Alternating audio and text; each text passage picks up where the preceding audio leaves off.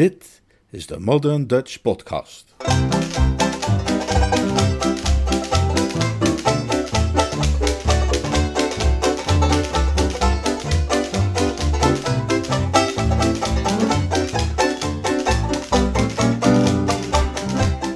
Jeeves en de Liefde.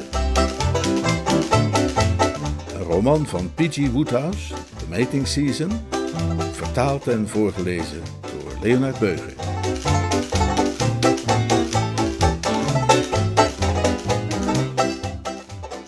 Hoofdstuk 18 De lui die de spoorwegen regelen maken het hier niet erg gemakkelijk om van Wimbledon naar King's Rail te komen. Ongetwijfeld vanuit de gedachte, en dat is ook eigenlijk wel een sympathieke gedachte, dat die woonstee van monsters en gedrochten een plek is waar je maar beter helemaal niet kunt komen. Je moet al twee keer overstappen voordat je in Basingstoke bent en daar dan het boemeltje nemen. En als je eenmaal in dat boemeltje zit, had je eigenlijk beter kunnen gaan lopen. De eerste die ik zag toen ik eindelijk op het station van mijn bestemming het perron opstruikelde, met het gevoel alsof ik sinds mijn vroegste jeugd aan zo'n treinbank gekleefd had gezeten en verbaasd dat ik geen wortels had geschoten als een wilde winger of Parthenocissus quinquefolia, was mijn neefje Thomas. Hij kocht filmtijdschriften in de stationskiosk. Oh, hallo, zei ik, dus jij bent veilig aangekomen. Hij wierp mij een kille blik toe en zei: Krijg nou wat! Een uitdrukking waar hij veel te verzot op is. Deze Tos is echt zo'n ongevoelige, door de wol geverfde knaap. Zo'n soort jeugdige James Cagney met een scheutje Edward G. Robinson. Hij wordt gekenmerkt door peenkleurig haar, een cynische grijns en een immer laatdunkende houding. Je zou zeggen dat iemand die leeft in het bewustzijn dat hij een moeder heeft als mijn tante Agatha en weet dat zulks duidelijk bewijsbaar is, schroomvallig en beschaamd door het leven zou gaan. Maar niets is minder waard. Hij loopt overal rond met een air alsof hij er de baas is. En spreekt hij een neef aan, dan doet hij dat zonder enig tact en met de sterke neiging om wat al te persoonlijk te worden. Ook nu werd hij al dadelijk veel te persoonlijk en wel met betrekking tot mijn verschijning, die, naar ik moet toegeven, niet al te fris meer was. Nachtelijke reizen in melktreinen nemen altijd nogal de glans weg van je uiterlijk, en de omgang met klein gedierte in het struweel draagt ook nooit erg bij. Krijg nou wat, zei hij. Je ziet eruit als iets waar de kat mee thuis gekomen is. Ziet u wat ik bedoel? Helemaal de verkeerde toon. Maar niet in de stemming om te gaan kissenbissen, gaf ik het knulletje een knorrige draai om de oren en liep door. Toen ik het stationspleintje opliep, joehoede er iemand naar me en ik zag daar Corky zitten in haar auto. Hallo Bertie, zei ze, waar kom jij zo opeens vandaan, o maan mijner vreugde? Ze keek op een behoedzame en samenzweerderige manier om zich heen, alsof ze voor een gluiperige scène oefende in een spionagefilm. Heb je gezien wie daar in het station stond? vroeg ze op halve fluistertoon. Jazeker. Jeeves heeft hem gisteravond geheel volgens plan afgeleverd. Om Sidney leek het er aanvankelijk nogal moeilijk mee te hebben, en even leek het erop alsof hij dingen zou gaan zeggen die hij afgezworen heeft te zeggen sinds hij zijn wijding heeft ontvangen. Maar het is allemaal goed afgelopen. Oom speelt erg graag schaak en het schijnt dat Thomas de onbetwiste schaakkampioen is van zijn school en overloopt van de gambieten en zeldzame openingen en dat soort dingen. Dus die twee kunnen prima met elkaar opschieten en ik vind het een schat, die jongen. Wat een sympathiek, beminnelijk kind is dat, Bertie. Ik knipperde met mijn ogen. Je hebt het toch over mijn neefje Thomas? Hij is zo toegewijd en loyaal. Toen ik hem vertelde dat hij Smeris Dobbs mijn lieve Sam Goldwyn had gearresteerd en opgesloten, ziedde hij eenvoudig van oprechte verontwaardiging. Hij zei dat hij hem een loei zou verkopen. Een wat? Een loei, een dreun, een smak. Zoals ze doen in detectiveverhalen, met een gummiknuppeltje. Maar hij heeft helemaal geen gummiknuppeltje. Nou, dat heeft hij wel. Dat heeft hij gekocht in een rommelwinkeltje bij Covent Garden, toen hij bij jou logeerde. Hij was oorspronkelijk van plan om het te gebruiken voor een jongen in Bramley aan Zee die Stinker heet, maar nu houdt hij hem gereed voor Dobbs. Oh, lieve goedheid. Een loei met zo'n gummiknuppeltje zal Dobbs alleen maar goed doen. Het zou een keerpunt in zijn leven kunnen betekenen. Ik heb zo'n gevoel dat de dingen een deze dagen allemaal op hun plaats gaan vallen en dat er binnenkort een tijdperk gaat aanbreken van universeel geluk. Kijk maar eens naar Catsmeet als je bewijsstuk A wilt zien. Heb je Catsmeet al gezien? Nauwelijks, zei ik op afwezige toon, want mijn gedachten waren nog helemaal bij de verschrikkelijke tos en zijn plannetjes. Het laatste wat je nodig hebt wanneer je zenuwstelsel toch al zwaar is overbelast, is een neefje dat politieagenten te lijf gaat met gummiknuppeltjes. Hoezo, Catsmeet? Nou, ik kwam hem tegen en hij liep te zingen als een Twentse kneu. Hij heeft gisteravond een brief gekregen van Gertrude, waarin ze schrijft dat ze met hem vandoor wil gaan, zodra ze kans ziet aan het oog van haar moeder te ontsnappen. Zijn beker van vreugde vloeit over. Nou, ik ben blij dat tenminste iemand zijn beker dat doet. Vanwege mijn sombere toon bekeek ze mij eens wat beter en haar ogen werden groot toen ze zag hoezeer mijn uiterlijk in het ongereden was geraakt. Maar Bertie, mijn lammetje, riep ze uit, zichtbaar ontdaan. Wat heb je uitgespookt? Je ziet eruit als, als iets waar de kat mee is thuisgekomen. Nee, ik wilde eigenlijk zeggen iets dat is opgegraven uit het graf van Tutankhamon, maar dat is lotermout ijzer. Wat, wat is er gebeurd? Ik haalde een hand langs mijn vermoeide voorhoofd. Corky, zei ik, ik ben door een hel gegaan. Hm, zowat de enige plaats waar je niet langs hoeft om in King's Deverill te komen. En hoe was het daar? Ik heb een gruwelijk verhaal te vertellen. Heeft iemand je een loei gegeven met een gummiknuppel? Nee, ik ben net terug uit Wimbledon. Uit Wimbledon? Maar Catsmeet had dat Wimbledon gedoe toch geregeld? Dat heeft hij me net verteld.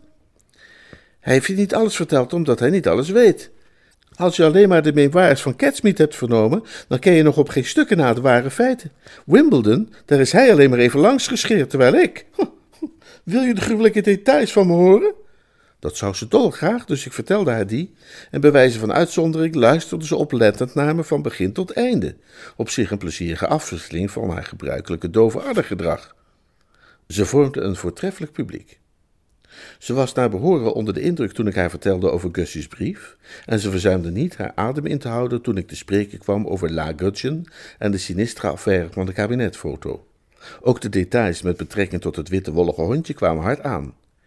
Jan Dory, zei ze toen ik mijn verslag had afgerond. Jij leeft nog eens, Bertie? Dat kon ik beamen, maar ik stelde daarbij toch de vraag of het gezien de huidige omstandigheden wel de moeite waard geweest was daarmee door te gaan. Ik had toch wel enigszins de neiging, moest ik bekennen, om zachtjes te mompelen: Dood, waar is uw angel? En neus en tenen omhoog te keren. Het beste wat de mensen van kan zeggen, besloot ik mijn observatie, is dat ik nog enige spijt heb gekregen als respijt het juiste woord is, en dat alleen als Catsmeet erin geslaagd is La Bassett van haar oorspronkelijke plan af te brengen. Voor zover ik weet, kan ze in de volgende trein zitten. Nee, dat niet. Hij heeft haar weten te weerhouden. En dat heb je regelrecht uit de stallen? Van zijn bloedeigen lippen. Ik haalde diep en opgelucht adem. Dat deed de lucht aanzienlijk opklaren.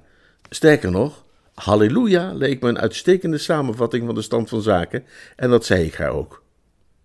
Het beviel me niet erg dat zij daar wat twijfelachtig bij keek. Ja, ja, halleluja vat het wel zo'n beetje samen. Tot op zekere hoogte. Ik bedoel, je kunt gerust zijn over haar komst hierheen, want ze komt niet. Maar gezien wat jij mij hebt verteld over Mervyn Gretig, een bon vivant, en die kabinetfoto, is het jammer dat Catsmeet niet een andere manier bedacht heeft om haar hier weg te houden. Dat vind ik dus wel. Mijn hart sloeg over. Ik greep me vast aan haar vooruit en toeterde: Wat? Wat? Wat? Nou, het belangrijkste, en dat moet je natuurlijk goed onthouden en nooit uit het oog verliezen, is dat u het goed bedoelde. Mijn hart kwam niet meer echt op gang. Op uw wandelingen door de Londense binnenstad zult u soms wel eens van die gebogen en uitgemergelde figuren zijn tegengekomen, die eruit zagen alsof zij niet lang geleden tussen de raderen van een machtige machine waren terechtgekomen. Dat zijn doorgaans lui die met Catsmeet te maken hebben gehad op momenten dat hij het goed bedoelde. Dit is wat hij Miss Bassett heeft wijsgemaakt. Hij heeft haar verteld dat je helemaal naar en gespannen was geworden nadat je gehoord had dat zij naar Deverill Hall zou komen en dat jij hem na de nodige aandrang had verteld hoe dat kwam, omdat jij zo hopeloos verliefd op haar bent. En daarom zag je er vreselijk tegenop haar dag in dag uit in Gussie's gezelschap te moeten zien. Mijn hart kwam met een schok weer op gang, maar schoot mij nu op pijnlijke wijze in de keel. Heeft hij dat serieus tegen Madeline Bassett gezegd? huiverde ik, geschokt tot in de kern. Ja, en hij heeft haar gesmeekt niet hierheen te komen ten einde jou dat leed te besparen. Hij zegt dat hij geweldig in vorm was en gewild had dat er een stel theateragenten in de buurt geweest was om de kwaliteit van zijn acteerwerk te kunnen zien. Hij moet ook inderdaad heel goed geweest zijn, want Miss Bassett heeft emmers vol tranen gehuild en gezegd dat ze het helemaal begreep en dat ze uiteraard haar bezoek zou afzeggen. Daarna mompelde ze nog iets over de mot die met open ogen de vlam invliegt en over de droefenis van het leven. zei je iets? Ik legde haar uit dat ik niet iets gezegd had, maar alleen een holle kreet had geslaakt. En zij beaamde dat holle kreten onder de omstandigheden wellicht het meest gepast waren. Het was voor die brave jongen natuurlijk ook niet makkelijk om zomaar iets te bedenken om haar hier weg te houden, benadrukte ze. En dat laatste heeft hem natuurlijk wel gelukt. Ja, dat is waar. Dus als ik jou was, zou ik het maar van de zonnige kant bekijken. Tel je zegeningen, als je begrijpt wat ik bedoel. Dat beroep wordt op Bertram Wooster zelden te vergeefs gedaan. Het verlammende gevoel dat haar woorden bij mij hadden veroorzaakt, verdween wel niet helemaal, maar het verminderde toch enigszins. Ik zag inderdaad wel haar punt. Ja, daar zit wel wat in, gaf ik toe. Zoals ik wel eens eerder heb opgemerkt, is het mijn gewoonte om op de puinhopen van een grauw verleden te bouwen aan een stralend heden. Hm, het is waar wat je zegt. Het ging erom die vreselijke Bassett hier weg te houden en als dat doel bereikt is, heeft het geen zin om te gaan zeuren over de toegepaste middelen. Bovendien was zij toch al volledig overtuigd van mijn onwankelbare passie voor haar, zodat Catsmeet mij niet echt veel dieper in de puree heeft kunnen duwen dan ik er al in zat. Zo mag ik het horen. Nu ben je weer helemaal mijn dappere ventje. We hebben nu in elk geval uitstel van executie en alles hangt er vanaf hoe snel jij Gussie kunt laten afkoelen. Zodra dat gebeurd is, kan de hele situatie normaliseren.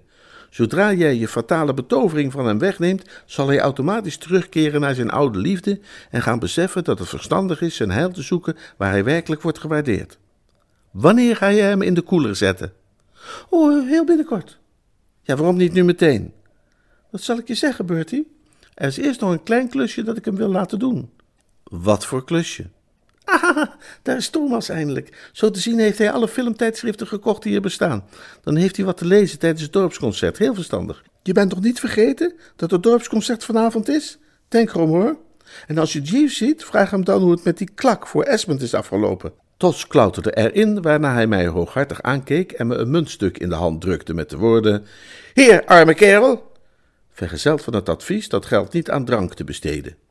Op ieder ander moment zou dat soort botte grap ongetwijfeld de furie hebben gewekt die sluimert in Bertram Woesters binnenste, en zou dat akelig stuk vreten opnieuw een stevige draai om zijn oren van me hebben gekregen, maar ik had nu even geen tijd om op tosjes te letten. Ik keek Corky aan met vurig doordringende blik. Wat voor klusje? herhaalde ik. Oh, dat boeit jou niet, zei ze, gewoon zomaar een huistuin- en keukenklusje. En ze reed weg, mij achterlatend ten prooi aan een nameloze angst. Ik beende langs de weg die naar de hol leidde, terwijl ik me somber afvroeg wat zij bedoeld kon hebben met de uitdrukking zomaar een huistuin- en keukenklusje, toen ik een hoek omsloeg en daar iets omvangrijks in beeld kreeg gehuld in een Norfolk jasje dat ik kon identificeren als Esmond Haddock. There are gray skies. I don't mind the gray skies. You make them blue, sunny boy. May forsake me, let them all forsake me. You'll pull me through, sunny boy. Hoofdstuk 19 Op bevel van vrouwe Daphne Veiligheid voor Alles Winkworth werd er tegenwoordig na het diner niet langer port geserveerd en verlieten de mannelijke en vrouwelijke disgenoten na de maaltijd en masse de tafel. Zodoende had ik na die gedenkwaardige avond van mijn aankomst niet meer de gelegenheid gehad tot een tête-à-tête met Esmond Haddock. Ik had hem wel een paar keer in huis of tuin ontmoet natuurlijk, maar steeds in het gezelschap van een gevarieerde collectie tantes of van zijn nicht Gertrude. In alle gevallen had hij een sterke Byroniaanse indruk gemaakt. Ik eh, heb dat even opgenomen met Jeeves en inderdaad is Byroniaans het juiste woord. Kennelijk betekent het eruitziende als wijlen Lord Byron, die een zwaarmoedig type geweest moet zijn dat overal de sombere kant van zag. Wij naderden elkaar, hij vanuit het noord-noordoosten en ik vanuit het zuid-zuidwesten, en hij groette mij met een mistroostige beweging van de kaakspieren, alsof hij van plan was geweest om te glimlachen, maar bij nader inzien had gedacht: laat me zitten ook. Hallo, zei hij. Hallo, zei ik. Lekker weertje, zei hij. Ja, zei ik, wandelingetje aan het maken? Ja, zei hij. Jij ook een wandelingetje aan het maken? De voorzichtigheid dwong mij mijn toevlucht te nemen tot een smoesje. Eh, Ja, zei ik, een wandelingetje aan het maken. Ik kwam net eh, Miss Purbright eh, nog tegen. Bij het horen van die naam kromp hij ineen alsof hij last had van een oude wond. Oh, zei hij. Miss Purbright, zeg je? Hij slikte een paar keer. Ik kon zien dat er een vraag op zijn lippen lag, maar het was er kennelijk een die hem onpasselijk maakte, want na het woord was bleef hij alleen maar slikken. Ik wilde juist maar een opmerking gaan maken over de situatie in de Balkan, ten einde de conversatie op gang te houden, toen hij zijn vraag toch nog over de lippen kreeg. Wa- Was, was, was Woester bij haar? Nee, ze was alleen. We- weet je dat zeker? Ja hoor. Maar misschien hield hij zich schuil op de achtergrond, achter een boom of iets. Het was op een stationsplein dat ik haar zag. En hij verschool zich niet in een of andere deuropening. Nee, vreemd. Je ziet haar tegenwoordig niet vaak zonder die woester om zich heen, zei hij en knarste een beetje met zijn tanden. Ik deed een poging het hartzeer te temperen waaronder ik duidelijk kon zien dat hij leed. Hij had blijkbaar ook Gussie's twijfelachtige gedrag opgemerkt en het was manifest dat wat in vaktermen wel wordt aangeduid als het groenogig monster hem stevig te pakken had. Ja, het het zijn natuurlijk ook heel oude vrienden, hè? zei ik. Is dat zo? Jazeker. Wij, ik bedoel natuurlijk zij, hè? Zij kennen elkaar sinds hun kindertijd. Ze, ze hebben nog samen op dansles gezeten. Op het moment dat ik het zei, had ik er al spijt van. Want die woorden hadden op hem een effect alsof een verborgen hand hem bij de nek had gegrepen. Je kon niet zeggen dat zijn blik duisterder werd, want die was de hele tijd al duister geweest, maar hij huiverde zichtbaar, alsof Lord Byron een recensie las waarin zijn jongste bundeltje verzen de grond in werd geschreven. Het verbaasde me niets. Iemand die verliefd is en met een ongerust hart de acties volgt van een rivaal, ziet niet graag in gedachten zijn beminde met die rivaal pirouettes draaien op dansles, om daarna waarschijnlijk samen een warme melk met koekjes te gaan delen in de pauze. Oh ja, zei hij, en hij slaakte een soort gierende zucht die deed denken aan de laatste ademtocht van een bijna lege spuitwatersifon. Samen op dansles, zo zo. Sa- Samen op dansles, hè? Hij verzonk even in gepeins. Toen hij weer sprak, klonk zijn stem hees en grommend. Eh, vertel mij eens iets over die woester, Gussie. Dat is toch een vriend van jou? Oh ja, ken hem al lang. We hebben samen maar op school gezeten. Het moet wel een vreselijk akelig kereltje geweest zijn. De verschoppeling van de klas waarschijnlijk. Oh nee hoor. Ah, bij het opgroeien erg veranderd dan. Hij moet dan eh, ontzettend achteruit zijn gegaan, want van alle valse, gluiperige slangen die ik ooit tot mijn verdriet ben tegengekomen, is hij wel de meest perfide. Nou, zou jij hem een giftige slang willen noemen? Ja, dat heb ik net gedaan. En dat wil ik best nog eens doen als jij erop staat. Hij is een kleverige hangplant met een vissensmoel. Nou, het is geen kwaaie kerel. Dat is dan misschien jouw mening, maar de mijne is dat niet. Evenmin als van de meeste weldenkende mensen, stel ik me voor. De hel zit vol met van die types als woester. Wat ziet ze toch in die kerel? Ja, dat, dat zou ik niet weten. Allicht niet. Niemand kan dat begrijpen. Ik heb dat heerschap zorgvuldig en onbevooroordeeld bestudeerd, maar ik heb niets aantrekkelijks aan hem kunnen ontdekken. Heb jij wel eens een platte steen omgekeerd? Eh, Ja, dat is wel eens voorgekomen. En wat zag je daar dan onderuit kruipen? Een massa walgelijke schepsels die zijn jongere broers hadden kunnen zijn. Ik zal je zeggen, Gassi, als jij een plak gorgonzola onder een microscoop legt en mij door dat ding laat kijken, dan is gegarandeerd het eerste dat ik zal zeggen als hij op scherp is gesteld. Hé, hey, kijk nou eens, daar hebben we Woester. Hij peinsde een ogenblik heel Byroniaans. Ik weet wel wat jij nu wil gaan zeggen, Gassi, maar dat is niet terecht, ging hij daarna verder. Jij wil natuurlijk zeggen dat Woester er toch zelf niets aan kan doen dat hij eruit ziet als een sterk vergrote kaasmeid. Het is waar, daar wil ik eerlijk in zijn. Maar het is niet alleen zijn weerzinwekkende uiterlijk dat de rechtschapen burger zo tegenstaat. Hij is een plaag voor de hele gemeenschap. Nou, kom nou toch. Hoe bedoel je, kom nou toch? Je hebt toch gehoord wat mijn tante Daphne vertelde aan tafel die, die avond dat jij hier aankwam? Dat die walgelijke woester bijvoorbeeld al maar politiehelmen steelt. Nou, niet al maar. Dat, dat was een keer een lolletje op de avond van de grote roeiwedstrijd. Hij fronste. Kijk, dat bevalt mij niks. dat jij dat zo opneemt voor die knaap, Gussie. Je beschouwt dat waarschijnlijk als een vorm van ruimdenkendheid, maar je moet echt oppassen dat die zogenaamde ruimdenkendheid niet een keer te ver gaat. Dat leidt maar al te snel tot een soort morele bijziendheid. De feiten zijn immers maar al te duidelijk. Telkens wanneer die woester daar maar even kans toe ziet, zwerft hij door Londen om ongelukkige politieagenten achterna te zitten en ze lastig te vallen. Ze te hinderen bij de uitvoering van hun taak en in één woord hun leven tot een hel te maken. Dat is het soort man dat die woester is. Hij onderbrak zichzelf een ogenblik en verzonk kort in gedachten. Daarna volgde hij weer zo'n vluchtige kaakbeweging, die hij kennelijk tegenwoordig vaker gebruikte, bij wijze van laat maar zitten versie van een glimlach. Maar goed, ik wil je één ding zeggen, Gassi. Ah, het zou me ontzettend verheugen wanneer hij binnenkort hier ook iets uh, zal proberen uit te halen. Want uh, wij zijn er klaar voor. Hé? Wij zijn er klaar voor. Reken maar.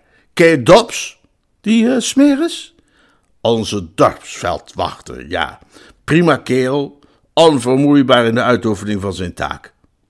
Ik heb hem nog niet mogen ontmoeten.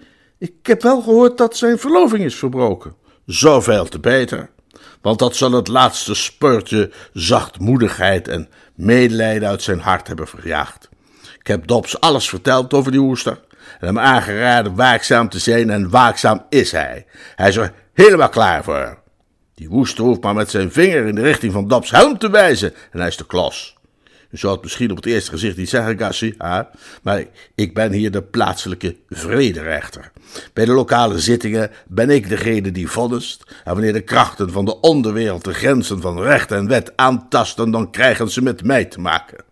Ik hoop van harte dat Woesters misdadige aard zal gaan opspelen en dat hij over de schreef zal gaan, want in dat geval zal Dobbs hem als een panter bespringen en voor mijn rechtbank sleuren, zodat ik hem dertig dagen cel kan geven, onvoorwaardelijk en ongeacht zijn leeftijd of geslacht. Dat klonk mij uiterst onaangenaam in de oren. Ja, maar dat doe je toch niet echt, Esmond? Ja, zeker wel. Daar verheug ik mij nu reeds op. Als die woester ook maar één centimeter afwijkt van het nauwe en rechte pad, één centimeter, dan kun je voor dertig dagen gedag naar hem zwaaien. Maar goed, ik moet weer eens verder, Gassi. Wandelen doet me een beetje goed, heb ik gemerkt. Hij verdween over de horizon met 7 à 8 km per uur en liet mij geschokt achter. Een dreigend onheil rommelde in de verte. Oh, was Jeeves maar hier, zei ik tegen mezelf. En dat was hij ook bleek. Ik was me al enkele ogenblikken min of meer bewust geweest van een aanwezigheid in mijn directe nabijheid die een goedemorgen uitsprak. Ik draaide mij nu om om te zien waar dat geluid vandaan kwam en daar zag ik hem naast me staan, fit en gebruind, alsof zijn bezoek aan Bramley aan zee hem goed had gedaan.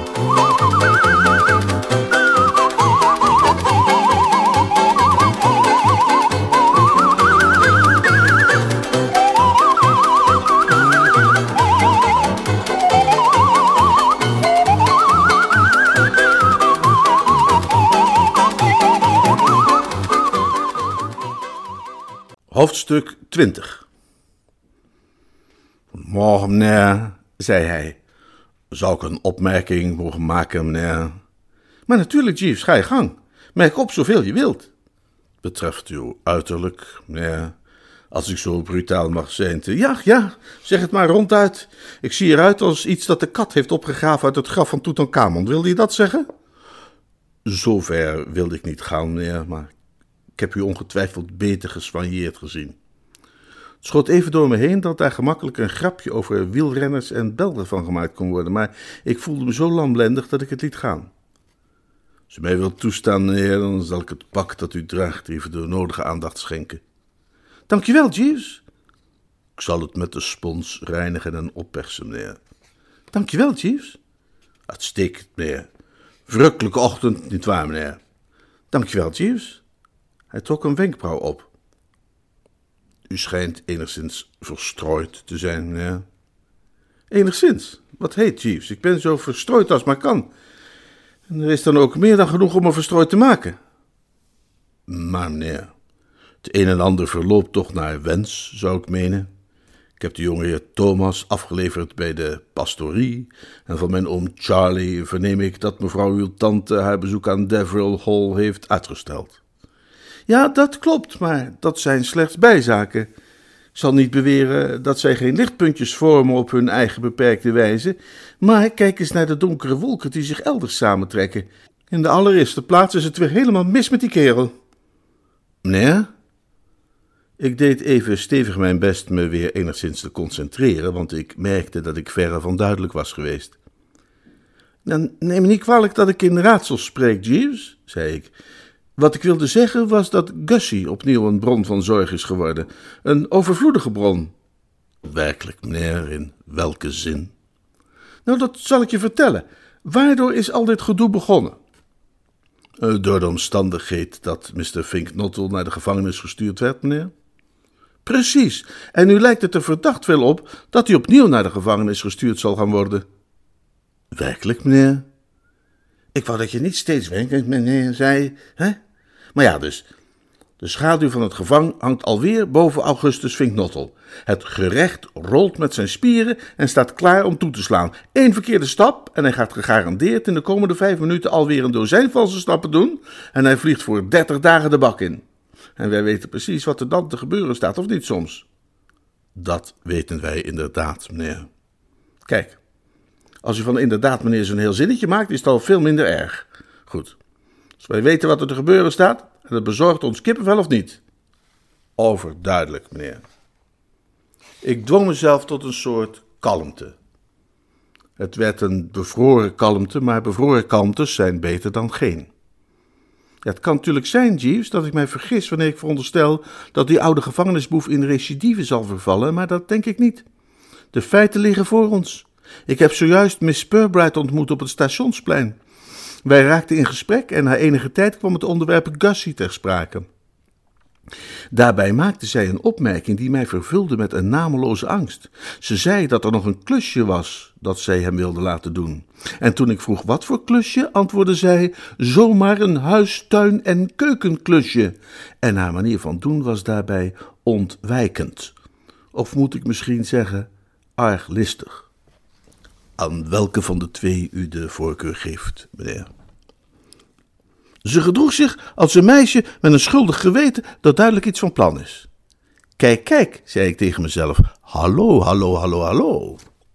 Als ik u voor een ogenblik mag onderbreken, meneer, het doet mij genoeg u te kunnen meedelen dat mijn streven Mr. Esmond Haddock een klak te bezorgen tijdens het dorpsconcert met succes is bekroond. Achter in de zaal zal het vol zijn met aanhangers en bewonderaars. Ik fronste de wenkbrauwen. Dat is voortreffelijk, Jeeves, maar ik mag een boon zijn als ik snap wat dat te maken heeft met waar we het over hadden. Inderdaad, meneer, neemt u mij niet kwalijk. Het was de uitdrukking hallo, hallo, hallo, waardoor ik even op het verkeerde spoor werd gebracht. Pardon, meneer, uh, wat wilde u ook weer zeggen? Daar vraag je me wat. Nu ben ik het kwijt. U elaboreerde op uw uitspraak over het ontwijkende en arglistige gedrag van Miss Purbright, meneer. Oh ja, het zag er helemaal naar uit dat ze weer iets van plan was. En dat deed me met een schok ergens aan denken. Als Koortje iets van plan is, werd ik tien tegen één dat het haar om represailles gaat tegen agent Dobbs. Om wraak. Heb ik gelijk of niet, Jeeves? Dat is meer dan waarschijnlijk, meneer. Ik ken Corky. Haar psyche is voor mij een open boek. Zelfs in het verre verleden, toen ze nog kruippakjes droeg en een voortand miste, was ze al opvliegend en impulsief van aard. En kwam ze stevast in opstand tegen alles wat op gedonderstraal leek. En ongetwijfeld heeft ze de recente arrestatie van haar hond als gedonderstraal geclassificeerd. Ze had al bonje met die nijvere Herman dat op theologische gronden, maar dat met die hond heeft voor haar de deur dicht gedaan. Die ongelukkige viervoeter verkommerd geboeid en gekneveld in het cachot. En een meisje met haar temperament kan dat onmogelijk leidzaam accepteren. Nee, meneer. Dat klopt. Nee, meneer. De feiten zijn gruwelijk, maar ze vallen niet te ontkennen. Corky is directe actie van plan jegens agent Dobbs. We weten nog niet wat voor vorm die actie gaat krijgen, maar we kunnen met misselijkmakende zekerheid aannemen dat Gussie, die toch al de opvallende neiging heeft om in de greep te raken van de sterke arm, zich maar al te graag beschikbaar zal stellen om haar sinistere plannen uit te voeren. En dan heb ik nog iets voor je waar je waarschijnlijk werkelijk meneer op zou kunnen zeggen. Ik heb zojuist met Esmond Haddock staan praten en het blijkt dat hij hier de vrederechter is. Hij beoefent hier in King's Deverill de hoge, de lage en de scherpe justitie en is dien ten gevolge in een gunstige positie om wie hij maar wil desgewenst dertig dagen verzwaard te geven. En daar komt dan nog bij dat hij een gruwelijke afkeer heeft opgevat voor Gussie en dat het zijn grootste wens is, naar hij mezelf verteld heeft, onze salamandervriend in de handboeien te slaan. Zo, speel dat mopje maar eens op je pianola, Jeeves. Hij leek antwoord te willen geven, doch ik weerhield hem met een handgebaar. Ik, ik, ik weet wat je wilt gaan zeggen. En ik ben het helemaal met je eens. Aan zichzelf overgelaten met zijn geweten tot gids, is Gussie misschien wel de allerlaatste om enig vergrijp te begaan en vrederechters exemplarische vonnissen te ontlokken, dat klopt. Van kinds af aan is, is, is het altijd zijn beleid geweest, ongetwijfeld met de moedermelk ingegoten, het wereldse pad te vermijden en zorgvuldig de boze influisteringen te negeren die bandelozere types tot kandidaat maakten voor dertig dagen eenzame opsluiting. Maar wij weten ook dat hij gemakkelijk kan worden overreed. Catsmeet bijvoorbeeld wist hem op Trafalgar Square te overreden met behulp van een champagnefles. Het zou me enorm verbazen wanneer ook Corky hem niet wist te overreden. En ik weet uit persoonlijke ervaring, zei ik, met die sinaasappel op dansles in gedachten, dat als Corky besluit iemand te overreden, de mogelijkheden onbegrensd zijn. U vreest dat Mr. Finknottel een gewillig oor zal lenen aan de voorstellen van de jonge dame?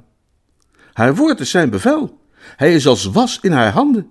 Ik verzeker je, Jeeves, ik, voel me ernstig bedreigd. Ik weet niet of jij ooit met handen en voeten aan een stoel gebonden voor een vat buskruid hebt gezeten, met daarop een brandend stompje kaars van nauwelijks nog een centimeter. Nee, meneer, die ervaring heb ik nog niet gehad. Goed, maar dat is hoe het voelt. Ik vrees dat ik alleen nog maar met de tanden op elkaar geklemd de klap kan afwachten.